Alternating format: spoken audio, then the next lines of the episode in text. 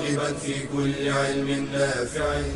ينمو العلم ويتقدم بتقنياته ومجالاته ومعه نطور أدواتنا في تقديم العلم الشرعي. أكاديمية زاد. زاد أكاديمية ينبوعها. صاف صاف ليروي غلة الظمآن. هذا كتاب الله روح قلوبنا. خير الدروس تعلم القرآن. بشرى لنا زاد أكاديمية للعلم كالأزهار في البستان.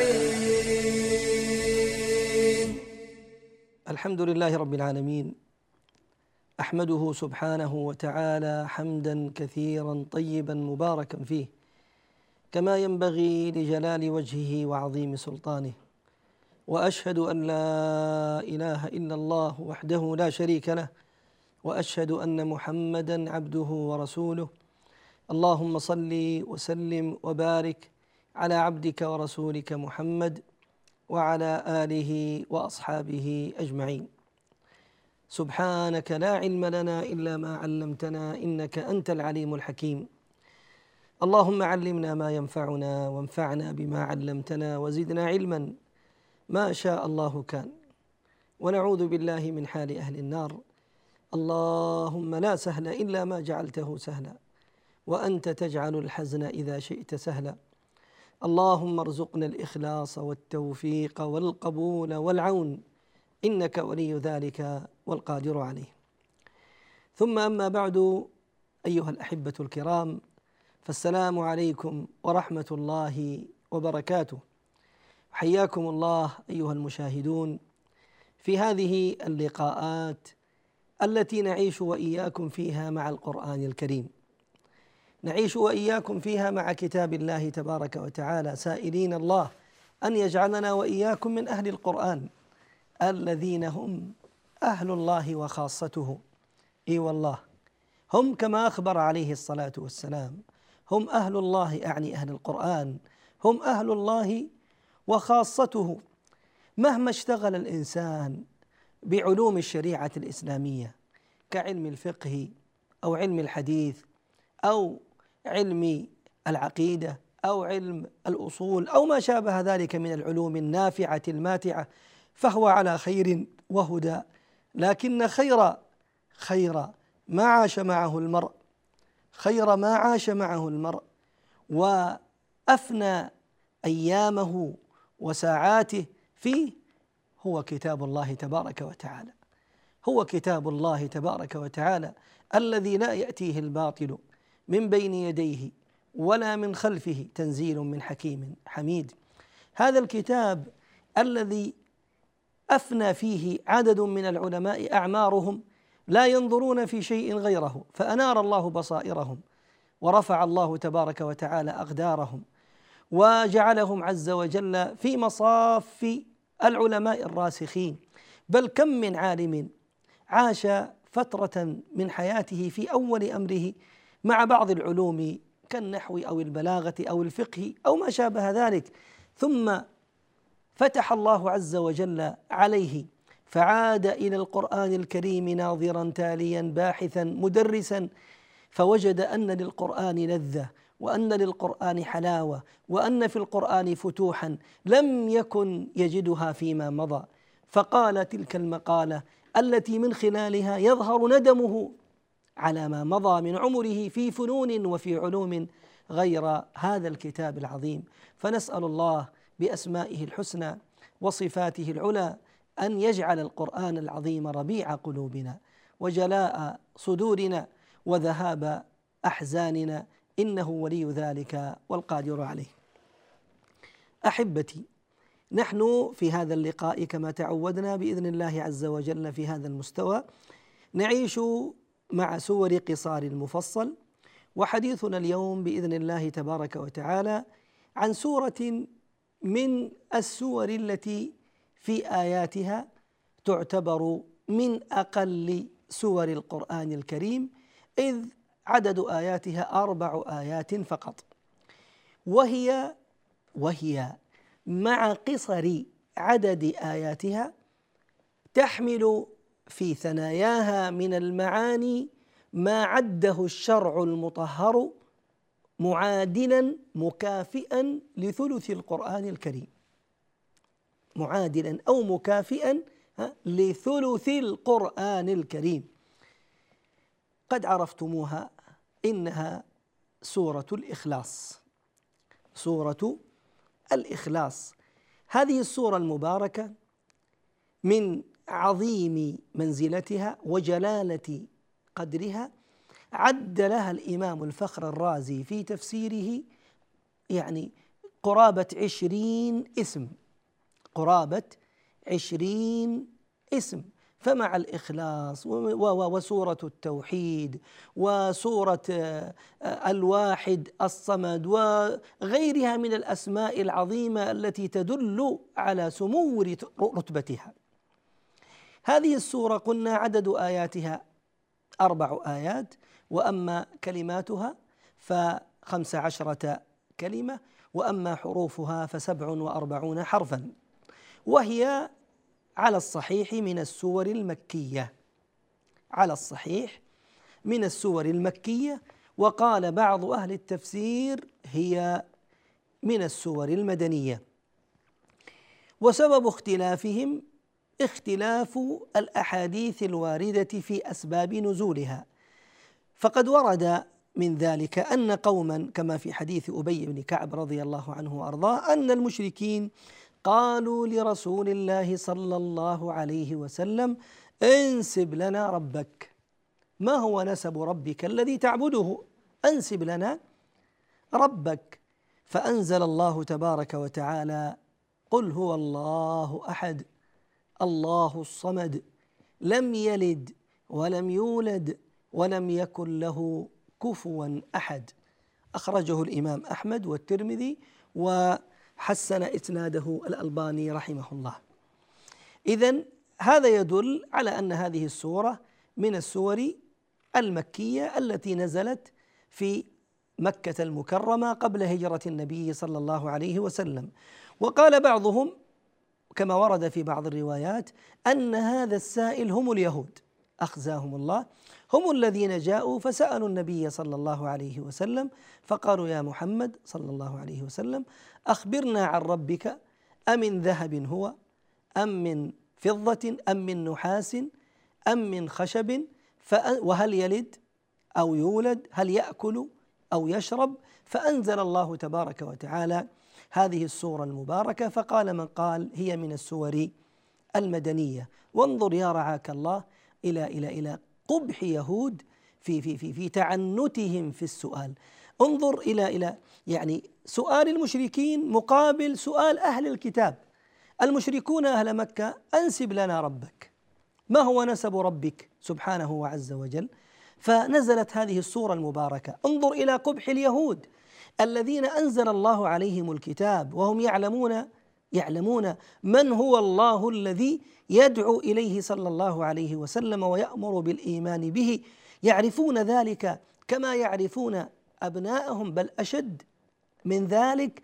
ومع هذا انظر إلى قبح سؤالهم. أنسب لنا ربك أمن خشب هو من حديد هو من فضة هو من نحاس هو يأكل يشرب أعوذ بالله. انظر إلى إلى إلى قبح هذا السؤال.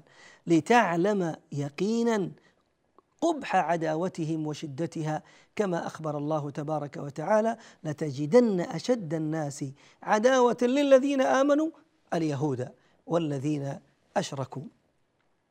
فأنزل الله قلنا هذه السورة المباركة التي يبين من خلالها تبارك وعز وجل ذكره ووصفه الذي سنذكره إن شاء الله بعد الفاصل وللحديث بقية. بشرى لنا زاد أكاديمية للعلم كالأزهار في البستان.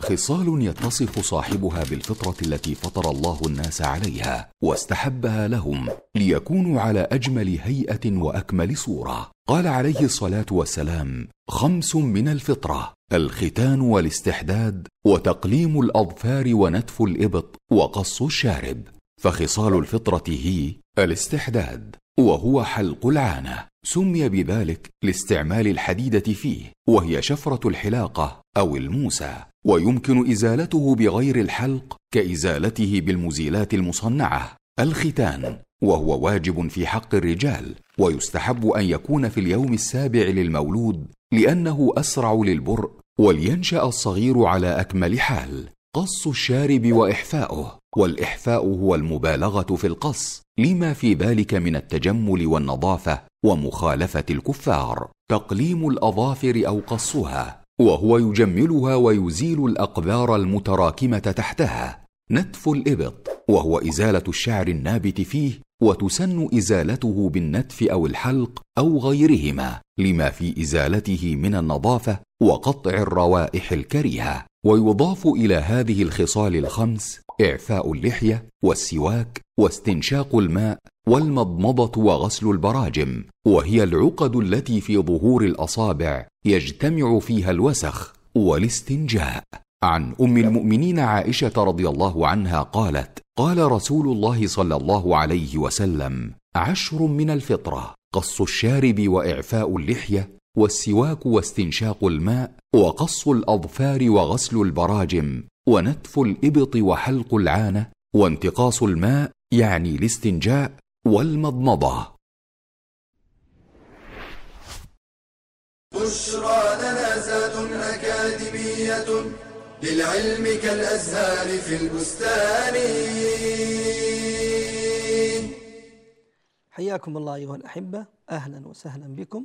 عدنا إليكم بعد هذا الفاصل لإكمال ما بدأنا من الحديث عن سورة الإخلاص.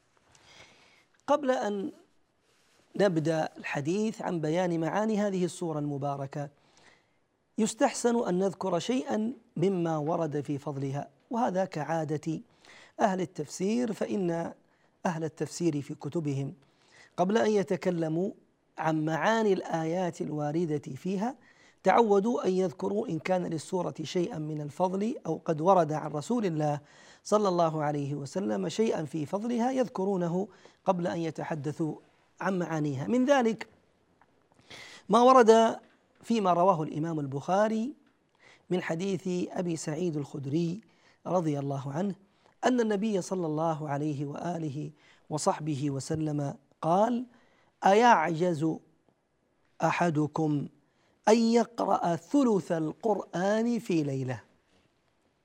تأمل إلى هذا الحث من رسول الله صلى الله عليه وسلم لأصحابه الكرام أن يعيشوا مع القرآن وأن يبقوا مع القرآن وأن لا يختم المرء يومه وليله قبل نومه إلا بالقرآن وليس امرا يسيرا بل بثلث القرآن. اللهم صل وسلم وبارك على سيدنا محمد. أيعجز أحدكم أن يقرأ ثلث القرآن في ليلة؟ فشق ذلك عليهم. فشق ذلك عليهم.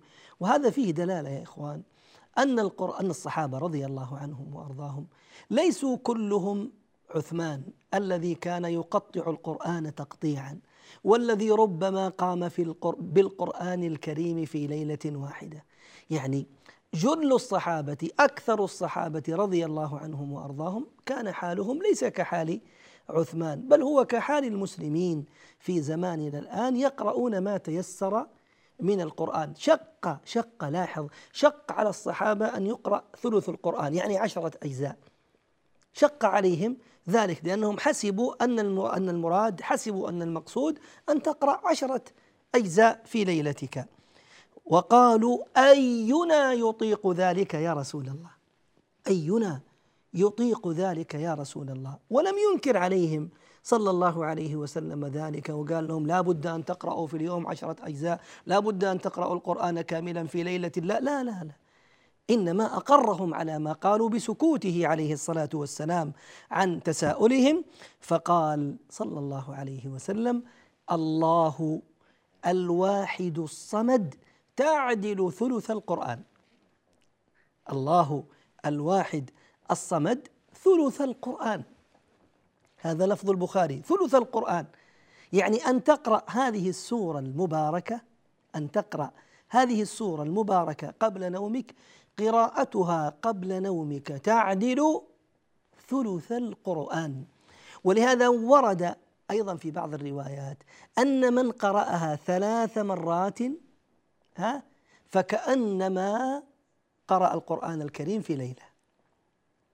وورد في هذه في في في فضل هذه السورة المباركة. طبعا قد يقول إنسان قبل أن نتخطى هذه النقطة كيف تعدل ثلث القرآن؟ هل هل المراد بذلك أن من قرأ مثلا عشرة أجزاء من القرآن وقرأ سورة الإخلاص هما في الأجر سواء؟ يعني هذا له مثل ما لهذا من الحسنات تماما.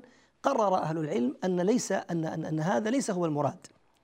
ليس المراد أن يكونا مستويان في عدد الحسنات لكل واحد منهما.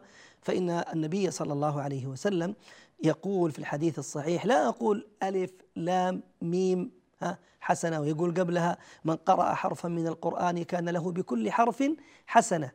والحسنة بعشر أمثالها لا أقول ألف لام ميم حرف بل ألف حرف ولام حرف وميم حرف. أما ذاك الذي سيقرأ الإخلاص فهي ثلث القرآن قالوا من ناحية ليس من ناحية عدد الحسنات وإنما من ناحية من ناحية النظر إلى ما في القرآن الكريم من معاني ومقاصد شرعية، كيف ذلك؟ قالوا القرآن الكريم إما أحكام إما أحكام شرعية وإما ذكر صفات رب البرية سبحانه وعز وجل وتبارك وإما قصص قصها الله تبارك وتعالى. فالناظر في سورة الإخلاص يظر يجد أنها صفة الرحمن. الناظر في صفة الإخلاص في سورة الإخلاص يجد أنها صفة الرحمن تبارك وتعالى التي هي بمثابة ما في ما في القرآن الكريم ثلثا تاما. وأما ناحية الحسنات فأكثرهم على أن ذلك لا يكون وأقول فضل الله واسع. فضل الله واسع. اقرأ وأبشر بالخير من الله تبارك وعز وجل. ورد أيضا في فضلها أن من قرأ هذه السورة سورة الإخلاص قل هو الله أحد عشر مرات بنى الله له قصرا في الجنة. قراءة سورة الإخلاص عشر مرات يبني الله عز وجل لك قصرا في الجنة. فقال عمر يا رسول الله إذا نستكثر يا رسول الله؟ قال الله أوسع. إن زدت عشرين قصرين إن زدت ثلاثين وهكذا. الله تبارك وتعالى يعني أجود سبحانه وتعالى وأعظم أجرا وأوسع في العطاء تبارك وتعالى. فلا تبخل على نفسك يا عبد الله. وورد في في في في فضل هذه السورة أن أحد الصحابة كان يصلي بقومه في بعض الروايات في قباء وفي بعض الروايات في سفر. فكان في كل ركعة من الركعات يستفتح وفي بعض الروايات يختمها بصورة قل هو الله أحد. فإذا قرأ الفاتحة إما ابتدأ بسورة الإخلاص ثم بسورة أخرى وإما إذا قرأ بعد الفاتحة سورة ختم قبل ركوعه بسورة الإخلاص. فلما سئل في ذلك قال إني أحبها. فأخبروا النبي صلى الله عليه وسلم فقال لهم عليه الصلاة والسلام في بعض الروايات أخبروه أن الله أن الله قد أحبه بحبه إياها.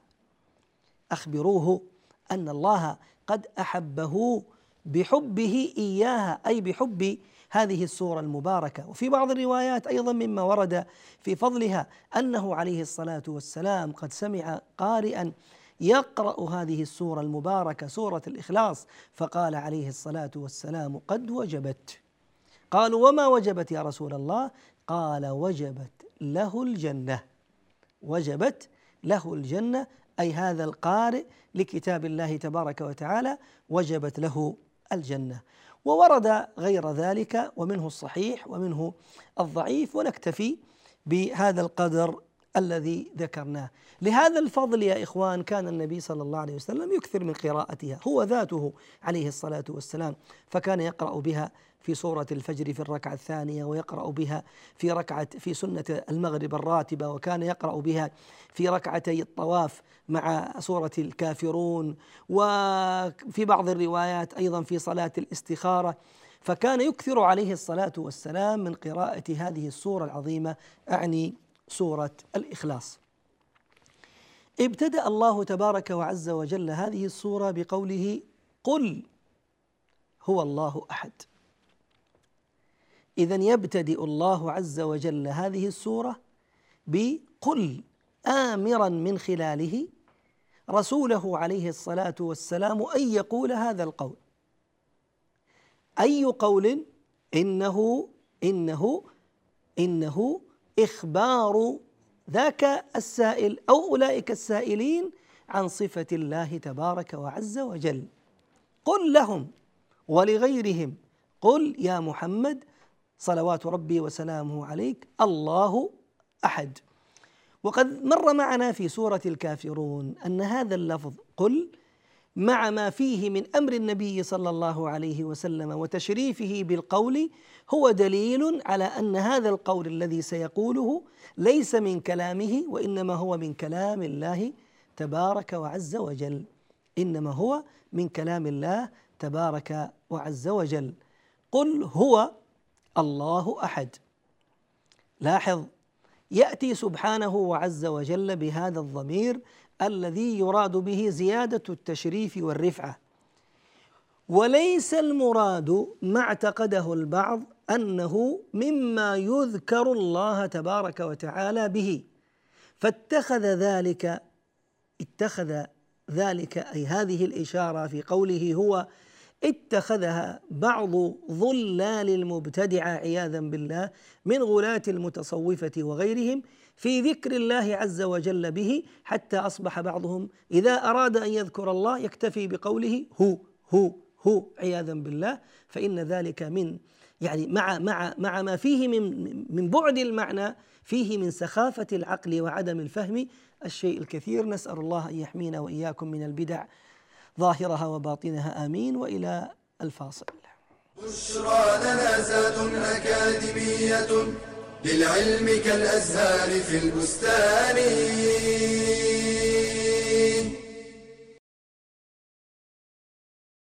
التعليم في الصغر كالنقش على الحجر. إنه كلام صحيح. ولكن ذلك لا يعني حرمان كبار السن من طلب العلم. ولا ييأس كبير السن من التعلم. فإذا علم الله منه حسن النية وفقه لجمع العلم الكثير في الزمن القليل. ولا يستحي كبير السن من الجلوس في حلق العلم مع الصغار. قال مجاهد لا يتعلم العلم مستحي ولا مستكبر. وزامل ابن الجوزي ابنه في تعلم القراءات العشر وهو ابن ثمانين سنة. فانظر إلى هذه الهمة العالية. وقد تعلم أصحاب النبي صلى الله عليه وسلم في كبر سنهم. وكذا كثير من العلماء كابن حزم والكسائي والعز بن عبد السلام. ولان يتعلم المسن خير من أن يستمر على التفريط. سأل مسن أيحسن بمثل أن يتعلم؟ فقيل له لأن تموت طالبا للعلم خير من أن تموت قانعا بالجهل. وليعلم الكبير والصغير أن أبواب العلم مفتحة للراغبين.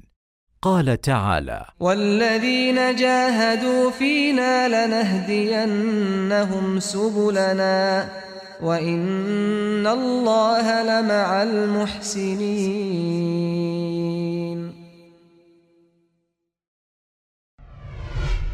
بشرى لنا زاد أكاديمية للعلم كالأزهار في البستان. مرحبا بكم أيها الكرام. عدنا إليكم بعد هذا الفاصل. والذي كنا قبله ننبه ننبه على اغترار البعض عياذا بالله تقليدا لعلماء السوء في أذكارهم المبتدعة التي يعني يرددون فيها. نعوذ بالله هذا اللفظ وهو هو هو. زاعمين أن ذلك ذكر لله تبارك وتعالى يؤجر عليه العبد ولا شك أن هذه من السخافات. إذ أن الله تبارك وتعالى قال وقوله الحق سبح اسم ربك الأعلى وهذا ليس اسما وإنما هو ضمير. فالله عز وجل يقول سبح اسم ربك سبح اسم ربك فتقول سبحان الله. ها وغيرها من أنواع الأذكار التي ذكرها نبينا صلى الله عليه وسلم. اذا قل لهم يا محمد المسؤول عنه هو الله. أول شيء هو الله. الله. الله هو اسم الله الأعظم. هذا العلم الذي يدل على الذات الإلهية. الذي ما تسمى به أحد من خلق الله تبارك وتعالى كائنا من كان. الله الذي تألهه القلوب. الله الذي تألهه القلوب سبحانه وتبارك وتقدس. الله عز وجل وتبارك وتقدس الذي إليه ترفع الحوائج الذي إليه ترفع الأصوات والذي بيده قضاء الحاجات. ولهذا هو الله سبحانه وتبارك وتقدس وعز وجل. قل لهم هو الله أحد. طبعا الله يقول بعض أهل العلم أنه اسم الله الأعظم الذي إذا دعي به أجاب وإذا سئل به أعطى. نسأل الله أن يعطينا وإياكم من فضله ورحمته وجوده وكرمه. قل هو الله. ثم قال سبحانه وتبارك وتقدس أحد. وأحد هي بمعنى واحد. هي بمعنى واحد ولكنها أبلغ. إذ هي أخصر في المعنى أقل. وهي كذلك أبلغ في الدلالة والمقصود. أخصر في في في في الكلمات وأبلغ في الدلالة المرادة وفي المقصود الذي يريد الله تبارك وتعالى إيصاله لخلقه. فهو تبارك وتعالى الواحد لا شك. الواحد عز وجل في ذاته الواحد عز وجل في صفاته الواحد تبارك وتعالى في أفعاله. اذا من أسماء الله عز وجل الواحد ومن أسماء الله عز وجل أنه أحد. وقد ورد الواحد صريحا كما في صحيح البخاري في الحديث الذي مر معنا عن رسول الله صلى الله عليه وآله وصحبه وسلم قبل قليل في قوله عليه الصلاة والسلام الله الواحد الصمد ثلث القرآن. اذا أحد أحد بمعنى الواحد في ذاته في صفاته في أفعاله تبارك وعز وجل. ثم قال الله الصمد. ولم يقل تبارك وتعالى قل هو الله أحد الصمد. وإنما لزيادة إيضاح وزيادة بيان لهذا الاسم العلم الذي لا يدل إلا على ذات واحدة هي ذاته العلية سبحانه وتبارك وتقدس كرره. فقال الله الصمد. الصمد اسم من أسماء الله تبارك وتعالى بالاتفاق. الصمد اسم من أسماء الله تبارك وتعالى بالاتفاق. وأما معناه فقد ذكر بعض المفسرين فيه قرابة عشرين معنى لمعنى الصمد. وفي الأخير لو نظرت إلى المعاني التي ذكروها يصح أن تكون تحت تحت اسم الله تبارك وتعالى الصمد. فالصمد مثلا قال بعض أهل التفسير الصمد الذي يصمد إليه الخلائق. يعني يتوجه إليه الخلائق بحاجاتهم تبارك وعز وجل. فهو عز وجل الذي يتوجه إليه الخلائق يصمدون إليه الخلائق أجمعون. الإنس والجن والوحش والطير كل من أراد حاجة من الحاجات فإنه لا يتوجه إلا إلى الله تبارك وعز وجل. اذا هو وهو المعنى الثاني الذي ذكره بعض أهل العلم أن الصمد بمعنى الغني الذي استغنى عن خلقه تبارك وعز وجل ولم يستغن الخلق عنه تبارك وتعالى. فهو له الغنى المطلق تبارك وعز وجل. اذا الغني الذي حاز كل الغنى. وقال البعض الشريف الذي حاز كل الشرف. وقال البعض الكريم الذي حاز كل الكرم وخذ من هذه الأسماء أو من هذه المعاني عفوا التي تدل على شيء واحد وهو غناه كماله استغناؤه عن خلقه تبارك وعز وجل وفقر الخلق إليه عز وجل فيتوجهون بكل حوائجهم له تبارك وتعالى. وقال بعضهم الصمد الذي لا جوف له وبناء عليه ما دام أنه لا جوف له فلا يحتاج إلى طعام ولا إلى شراب. تبارك وعز وجل. نعود لمعنى الاستغناء. نفس المعنى الاستغناء الكمال عن كل شيء تبارك وعز وجل. وقال بعضهم الصمد الذي لم يلد ولم يولد. قالوا بينها ما بعدها. أي أنه لم يلد ولم يولد. تبارك وعز وجل. أيضا نعود لمعنى الاستغناء والكمال. تبارك وتعالى فلغناه ولكماله لم يلد ولم يولد. اذا تلاحظ المعاني تقريبا متقاربة تدل دلالة واضحة جدا على غناه عز وجل على كماله على استغنائه على عن عن عن خلقه وحاجة خلقه جميعا إليه فهم يصمدون إليه يتوجهون إليه لطلب حوائجهم. ثم قال عز وجل لم يلد ولم يولد. فمن صمديته من كماله من غناه أنه عز وجل اولا لم يلد. ابطالا لمزاعم المشركين الذين كانوا يقولون الملائكة بنات الله أو اليهود الذين كانوا يقولون عزير بن الله أو النصارى الذين كانوا يقولون المسيح ابن الله لم يلد تبارك وتعالى أبدا لأن الذي يلد هذا الولد سيكون فيه جزء من تلك الذات العلية وسيحتمل شيئا من صفات رب البرية والله تبارك وتعالى لا شريك له إذا لم يلد. وهو أيضا تبارك وتعالى لم يولد. فلم يأتي من أب تبارك وعز وجل. لماذا؟ لأن من جاء من أب فهو حادث موجود سبقه العدم والله تبارك وعز وجل الأول والآخر والظاهر والباطن فهو الأول الذي ليس قبله شيء وهو الآخر الذي ليس بعده شيء وهو الظاهر الذي ليس فوقه شيء وهو الباطن الذي ليس دونه شيء تبارك وعز وجل.